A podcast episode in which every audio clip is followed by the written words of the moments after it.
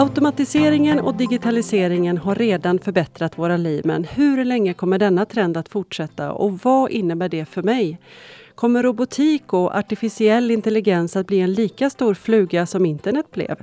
Hur ska företagen rusta sig för den nya framtiden och hur ska jag rusta mig själv för att orka ta in alla de möjligheter som den nya tekniken öppnar? Detta är en podd om det spännande skede vi står inför och hur du som företagsledare, medarbetare eller människa i största allmänhet kan tänka och göra.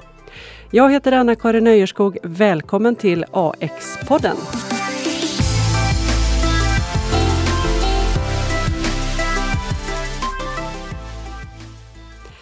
Vi träffar Joakim Lorentzon, försäljningschef för Norden och Baltikum inom KOKA, en världsledande leverantör av robotteknik och anläggnings och systemteknik. Välkommen! Tack, tack! Joakim, du har ett tydligt minne från början av 80-talet som gjorde att du valde just automatiseringsbranschen. Berätta! Ja, det var faktiskt så att eh, PCn kom 1981 och eh, då var jag mina yngre år och tyckte det här var väldigt intressant. Och, eh, tyvärr så kostade en PC ganska mycket så jag lyckades inte få mina föräldrar att köpa en sån men de köpte en VIX64-dator Och på den vägen så började jag hemma och efteråt så var det det som gjorde att jag utbildade mig till automationstekniker. Börja med att beskriva, hjälp oss här. Vad innebär digitalisering inom just industrin som du då representerar? Digitalisering inom industrin idag eh, innebär många olika spår.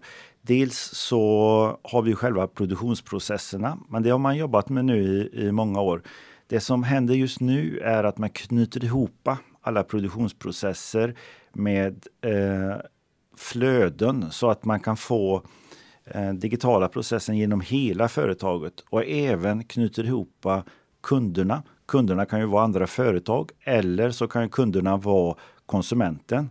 Så man följer med sin produkt ända ut till konsumenterna och eh, på det viset så får man en helt digital kedja, ett digitalt flöde.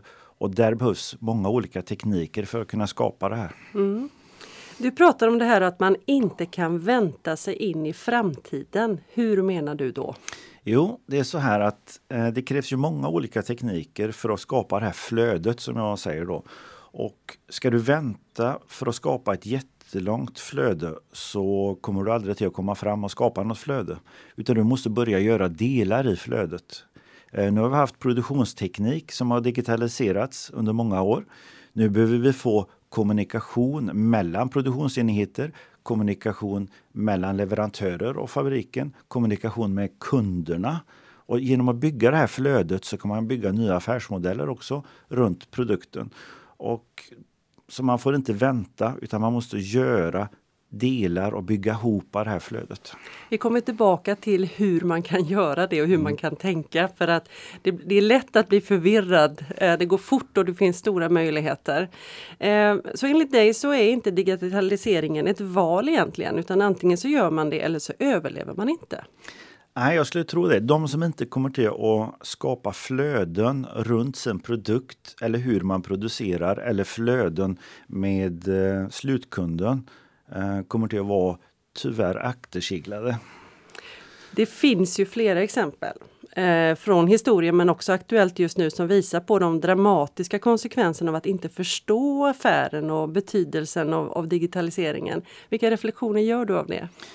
Eh, jag tycker den senaste reflektionen som man ska göra kanske är i den runt 2007-2008 när Apple kom med sin nya teknologi. Det som skedde då Eh, Eh, var att hela marknaden förändrades. Eh, var och en fick en device där man kom åt massa mer information och så. Samma sker nu inom industrin med hjälp av flera olika tekniker. Så på det viset så skulle jag vilja säga till alla som hör på det här, ut och sök information och eh, starta och gör delar i det här flödet omgående så att ni kommer med liksom vidare in i framtiden. Mm. Man ska inte vara helt säker utan man ska börja i alla fall. Det är så jag ska tolka det. Absolut. Så låt oss prata lite grann om vad är det som ska till för att industrin ska ta steget att digitalisera. Hur ska jag som företag agera? Alltså hur börjar man? Det som jag tycker är viktigast att börja med det är att man gör en liten nuvärdesanalys. Eh, man kan ha egen kompetens att göra det eller om man tar hjälp. Och då är det inte nuvärdesanalys hur man producerar en sak utan då är det en nuvärd, nuvärdesanalys. Hur är jag eh, idag mot marknaden? Hur agerar vi internt? Har vi ett digitalt flöde som stödjer vår affär? Så att man ska titta både på affärsdelen och den tekniska delen. För det är ingen idé att investera massa teknik om du inte får någon nytta av det. Så att det, du måste bygga, kanske bygga, förändra din affärsmodell samtidigt som du bygger in ny teknik. Mm. I den här analysen, eh, ska, man, ska man gå på den kompetensen man har inom företaget eller ska man våga ta in folk från helt andra branscher som kanske ligger före i just digitaliseringen? Hur transparent ska man vara i analysfasen? Jag tycker man ska vara väldigt transparent och framförallt så ska man börja med affärsmodellen. Eh, tekniskt sett idag så finns det massa olika sätt att lösa det på. Men det som är viktigt är att den stödjer den affärsmodell som du har. Eller det kanske visar sig i analysen att man måste förändra lite affärsmodellen för att komma vidare. Så att väldigt, väldigt förenklat så ska man dela upp det här i små, små projekt och så ska man börja där man tror man kan få mest värde och komma fram snabbt. Så att man inte gör ett projekt på flera år utan man kan ha korta intensiva projekt. Och när jag menar det, 68 veckor, då ska man ha någonting som fungerar up and running och är med i den dagliga eh, verksamheten i företaget och som producerar något. Eh, antingen om det är information eller hjälper till i en tillverkningsprocess eller något.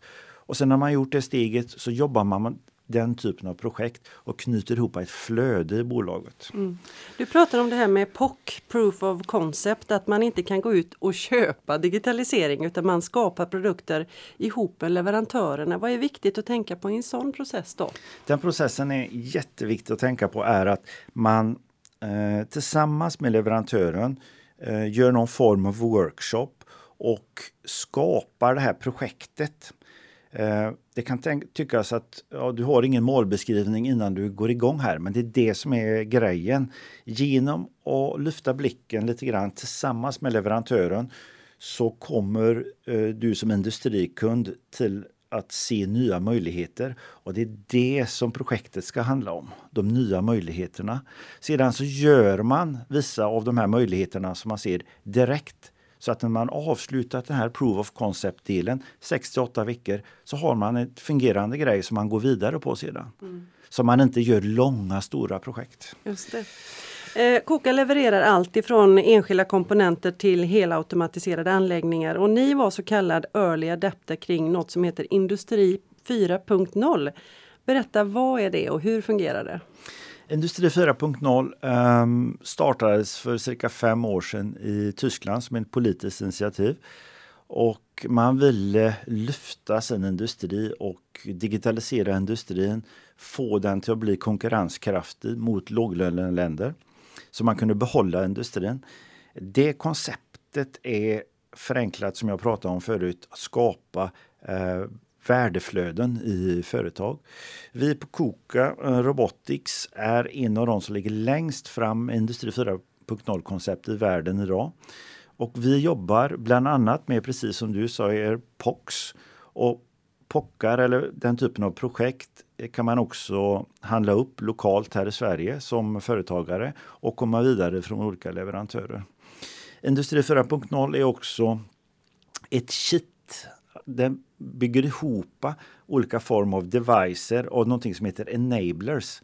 Så vad är då en enabler? En enabler kan vara en produktionsprocess, det kan vara en robot, det kan vara en smartphone. Jag pratade förut här om affärsmodeller och i de här affärsmodellerna så tar du enablers och sticker in. Men det behöver inte vara en sak, utan det kan vara flera olika saker. Det kan vara en 3D-printer som är en enabler för en affärsprocess. Eller det kan vara en ny smart app-funktion för en slutkund som gör att du kan producera en vara där borta mycket mer individuellt för den kunden. Och då har du skapat ett digitalt flöde, en ny affärsmodell, en ny produktionsmodell. Och då krävs det ett digitalt projekt för att få ihop det här. Mm. Det är en spännande värld det här digitaliseringen och den transformation som vi gör just nu och eh, jag försöker hänga med och förstå allting. Kan du ge oss några konkreta exempel på eh, affärer som ni har gjort? Mm. Eh, vi kan ta ett exempel, är Adidas, ett känt varumärke inom sportsektorn. Bland annat så gör de ju skor och Eh, Adidas bestämde sig för ungefär 20 år sedan att man tillverkar inte egna skor utan man designade dem och sedan fick man dem tillverkade, eh, ofta borta i Asien. Eh, nu har eh, Adidas gjort en ny affärsmodell där du som kund i den modellen kan designa dina skor på nätet på en eh, hemsida. Eh, du får skorna till dig inom någon vecka. Exakt som du har designat dem själv. Och i det här kan man då se alla de här teknikerna vi har pratat om finns i det här. Och den här fabriken som Adidas kallar Speed Factory, den ligger då närma kunden. Så första fabriken man har byggt upp är på sin egen hemmamarknad i Tyskland. Eh, och där tillverkas de här skorna som du har designat själv och får hem i, i, i brevlådan. Eh, i den här Speed Factory-fabriken där används eh, Industri 4.0-konceptet med eh, IoT, connection mot nätet, eh, artificiell intelligens för att få så effektiv eh, styrning av maskiner och annat. Där används eh, eh sensorik eh, för att styra så att det, den produkten som du har designat blir precis som du som konsument eh, vill ha den. Mm. Jättespännande. Jag får en bild framför mig av en dirigent. Du ser så målande ut när du pratar om de här olika delarna, de olika begreppen. Hur man kan få dem att samverka med varandra. Att det är då man får den stora utväxlingen. Eh, vi pratar om Adidas, eh, globalt och internationell kund. Vad, vad har ni gjort på svensk mark? På svensk mark finns det en del goda exempel som faktiskt företag själva kört igenom så att man man har gjort interna projekt och, och, utvecklat från där man står. Ett exempel som jag har sett som är, eh, är Sandvik. De har gjort eh, ett projekt där man kan förutse skär. Och vad är ett skär då? Jo, det är ett skär är när man eh, bearbetar metall. Så Sandvik tillverkar skär och genom att eh, ta tillbaka information ifrån maskinerna där ett skär finns så kan man lägga upp det i molnet med en IoT-lösning och där använda artificiell intelligens på den datan, någonting som heter big data. Och sedan så kan man tala om för maskinen eller operatören på en device att om exempelvis två timmar och 40 minuter så kommer det här skäret att gå sönder. Så att nu har du den tidramen och eh, byta. På det viset kan man optimera eh, produktionen. Och det här har Sandvik gjort på en plattform som Microsoft tillhandahåller. Så ungefär samma som du som konsument idag eh, abonnerar på tjänster i form av Office-tjänster Office 365 så kan en fabrik som har gjort lösningar abonnera på tjänsten IOT i någonting som heter Microsoft Azure istället. Och då kan man bygga den här typen av lösningar. Nu var ju det här en väldigt produktionsnära lösning. Men det beskriver väldigt väl ett digitalt flöde som skapar värden så att säga. Och du säger att som företag idag, man går in och abonnerar det här, det handlar om väldigt ringa belopp. Det är ju lätt att lura sig och tro att det är väldigt dyra investeringar men det, det stämmer inte enligt dig. Nej, utan du betalar ju för tillgång till en tjänst. Så själva infrastrukturen på den tjänsten delas ju av hundratals andra företag. Så du betalar för den tjänsten du använder eller de tjänster om du kopplar ihop tjänster plus dina egna eh, data som du, du, blandar ihop här och utav det så gör du en, en modell och så går vidare. Jag ser att du har eh, med en liten anteckningsbok här, ja. jättefin och där har du en lång lista med en massa begrepp och det är ju väldigt mycket begrepp inom den eh, mm. digitala transformationen. Kan ja. du guida oss igenom några av de här begreppen? Ja, det kan jag göra. Eh, vi har varit inne på Industri 4.0, vi har varit inne på enablers för Industri 4.0. Sedan har vi något som heter IoT. Eh, IoT är ett väldigt eh, framväxande eh, Eh, segment idag där man samlar in data från alla olika typer av produkter. Och den här datan använder man i olika affärsmodeller till olika saker. Dels kan det vara um, för att tillverka saker, men det kan också vara för att göra erbjudanden för slutkunderna eller service och eftermarknad. Eh, så här kommer det inte dyka upp helt nya tjänster. Eh, och sen har vi artificiell intelligens som också Eh, kommer till att hjälpa till eh, i produktionsprocesser. Man kan tänka sig att man har maskiner som beroende på exempelvis egenskapen på råvaran eh, då samlar du in data från råvaran och då får du hjälp av artificiell intelligens så att maskinen blir så effektiv och producerar produkten som möjligt. Sedan kan du använda artificiell intelligens exempelvis mot slutkunden i servicekoncept där man monitorerar och kollar hur använder kunden den här produkten och föreslå exempelvis olika servicekoncept eller tala om för kunden om tre veckor så går din produkt sönder. Vill ni att vi ska komma och hjälpa dig? För vi ser här om tre veckor så går den sönder. Så att här, här får man helt nya möjligheter. Sen har vi någonting som vi kallar Smart Factory. Smart Factory det är helt enkelt att man tar alla de här olika teknikerna och bygger nya produktionsmodeller runt eh, existerande produkter eller faktiskt helt nya produkter. Och då är tankesättet där att man ska kunna använda tjänster som redan finns och är utvecklade på nätet. Så med, med en Smart Factory idag så kan man säga att idag finns det eh, en del eh, fabriker som är smarta, exempelvis en bilfabrik. Då kan ju du som kund konfigurera en bil och bilen blir gjord eh, några veckor senare och du får den exakt som du vill ha den. Det är en extremt dyr teknologi att bygga upp en sån fabrik. Men med Smart Factory idag så kan du abonnera på tjänsten. Samma som bilfabriken har byggt upp under 20 år kan du köpa ganska billigt och du är en eh, liten fabrikör och då köper du tjänsten Smart Factory och kopplar in till din fabrik. Och så betalar du när du använder tjänsten Smart Factory. Och då får du IOT, Industri 4.0, du får eh, artificiell intelligens och andra tjänster. Eh, du får en samverkan och en effekt utav att ja. jobba med flera olika delar. Precis. Det låter ju som rena rama julafton det här. Ja. det är ju bara att börja, bara att börja plocka. Hur, hur, hur mycket kan man lära sig utav andra branscher som har varit tidigt ute vad det gäller digitalisering trots att man känner att den världen inte alls lik vår? Hur mycket har ni tittat på andra branscher? Andra branscher kan man se, eh, framförallt när det gäller simulering och så, så finns det en hel del att lära av spelbranschen. Där kan man titta, man bygger upp virtuella miljöer. Eh, den typen av teknologi eh, kan man använda. Och sen har vi ju kommunikation från, från eh, databranschen. Men det tricket här är, det är faktiskt att se på affären. Se hur bygger jag om min affärsmodell så den nya tekniken stödjer affärsmodellen. Mm. Och då kan du förändra den.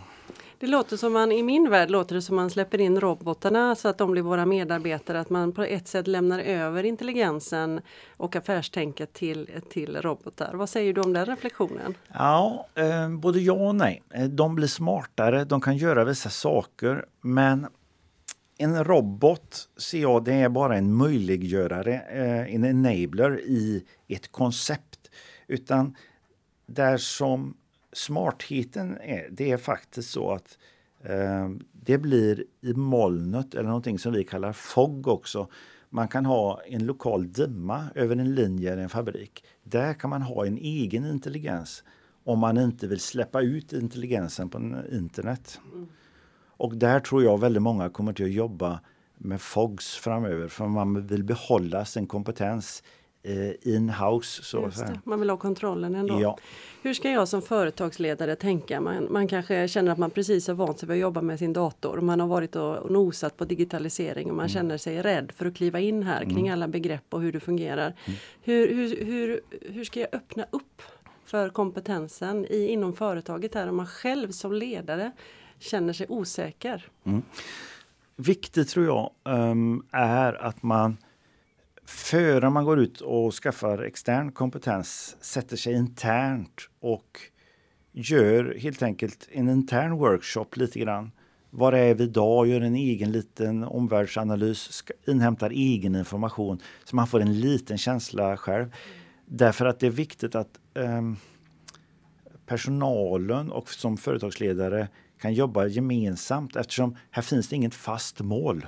Här finns det inget som är rätt eller fel. Det är det som är utmaningen. Utan det är hur man applicerar alla dessa möjligheter för att göra något nytt som är målet.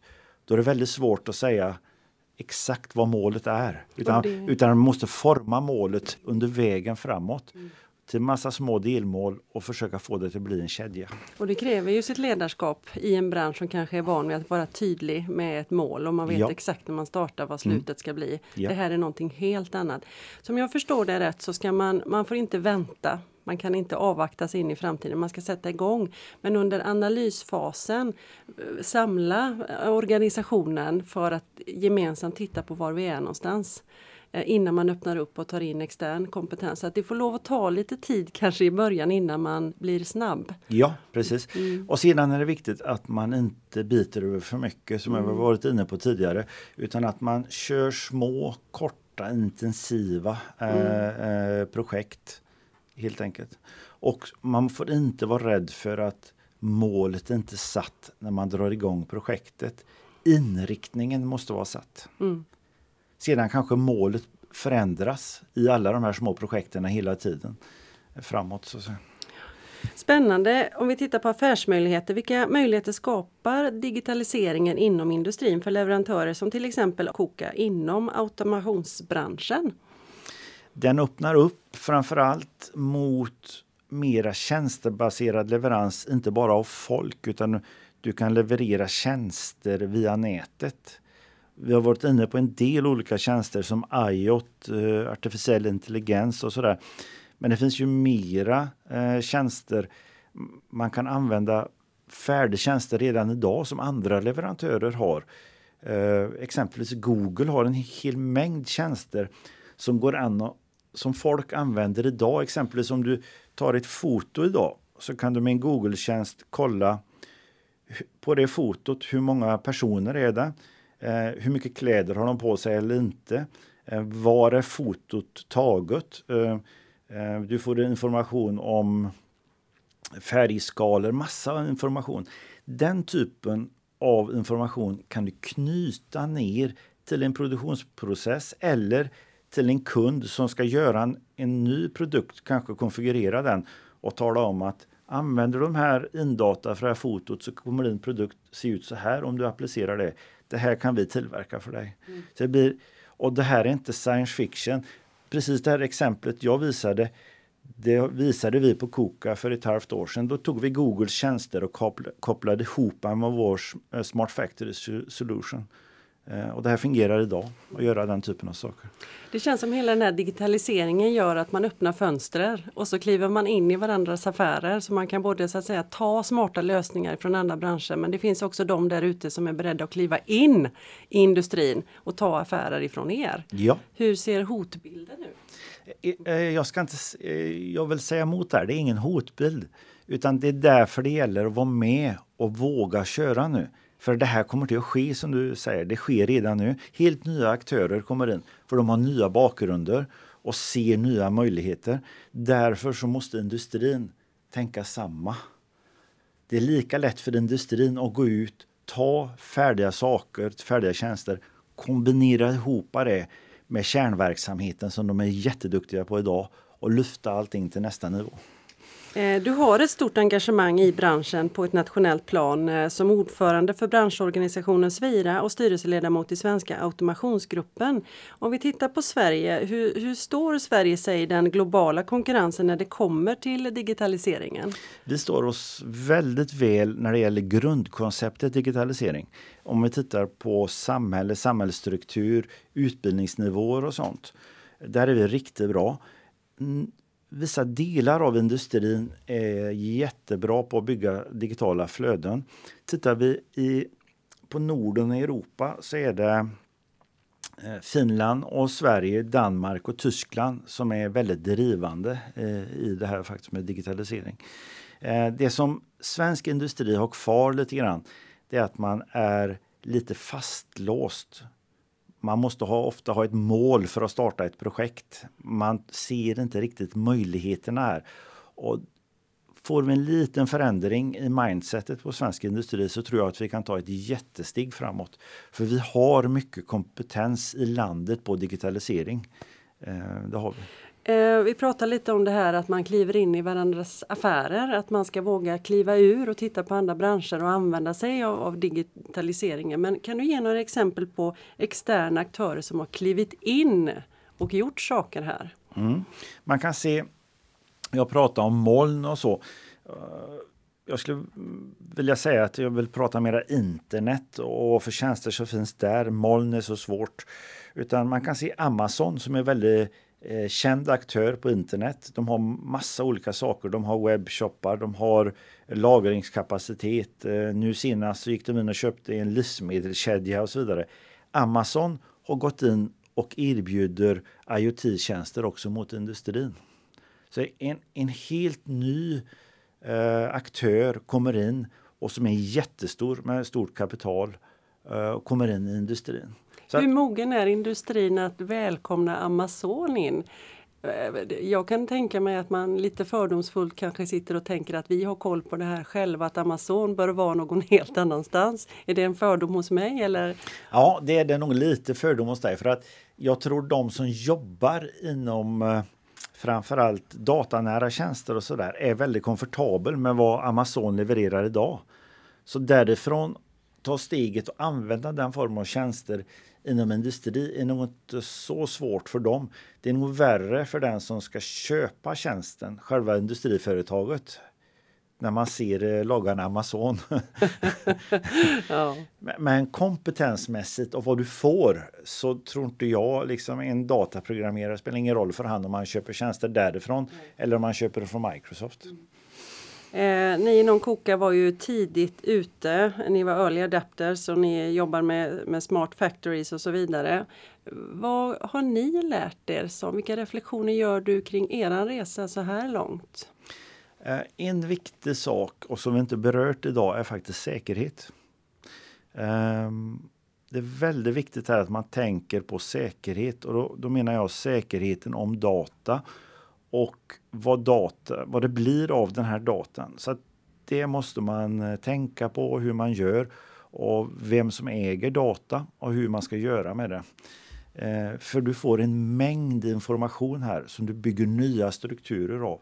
Det kan också vara så att du äger en viss procent i datan och så blandar du den med dina underleverantörers data vem äger datan i slutänden? Alla de här sakerna behöver man tänka till. Uh, så att det är oh, så komplicerat säger många. Ah, det är inte mer komplicerat än att du skriver kontrakt när du köper fysiska saker. Så man ska tänka lite på samma sätt här ja, egentligen? Du ska tänka fysisk, fysiskt. Även att det är ettor och nollor är svårt att se. Så, så, ja, du får göra kontrakt på vem som äger data, hur vi blandar data, vem har rättigheterna till datan och sen jobbar man ut efter det. Så att inte det blir en blocker för affärsmodellen så att säga. Och det här låter som man också ska tänka till kring tidigt. Mm. Så att det inte är någonting som man vaknar upp Nej, det, för sent. Absolut, det är säkerhetsdelen. Sen har man då återigen, man ska göra små korta projekt som man kommer igång. Och sedan också när man väljer plattform. För det finns idag redan nu många plattformar att lägga sitt projekt på. Eh, och där är ganska viktigt. Och då tror jag man behöver hjälp av en extern konsult eller företag när man bör, blir på den tekniska nivån och välja plattformar, hur det ska eh, tjänsterna ska hänga ihop och sånt där. Mm. Jättespännande samtal Joakim, hänga med i, i det resonemang. Det är dags att uh, summera lite grann, att knyta ihop säcken för våra lyssnare. Mm. Av allt det kloka du har sagt kring uh, digitalisering inom industrin. Om du får välja ut tre konkreta tips till lyssnarna, vilka blir det då? Tips nummer ett blir att uh, starta och sök på de här orden och vad du har hört här i podden på nätet. Skapa en egen uppfattning. Det är tips nummer ett. Tips nummer två det är att eh, det, du, det du har fått tag i själv på nätet Sätt ihop en egen grupp på ditt eget företag. Diskutera det här. Och steg nummer tre, ta hjälp. Starta ett litet projekt tillsammans med en extern aktör så ni kommer igång. Och sedan är du igång. Och sedan är du igång. För det går nämligen inte att vänta sig in i framtiden enligt eh, Joakim Lorentzon, försäljningschef inom Koka. Stort tack för att du kom hit och tack för att ni lyssnade. Tack, tack.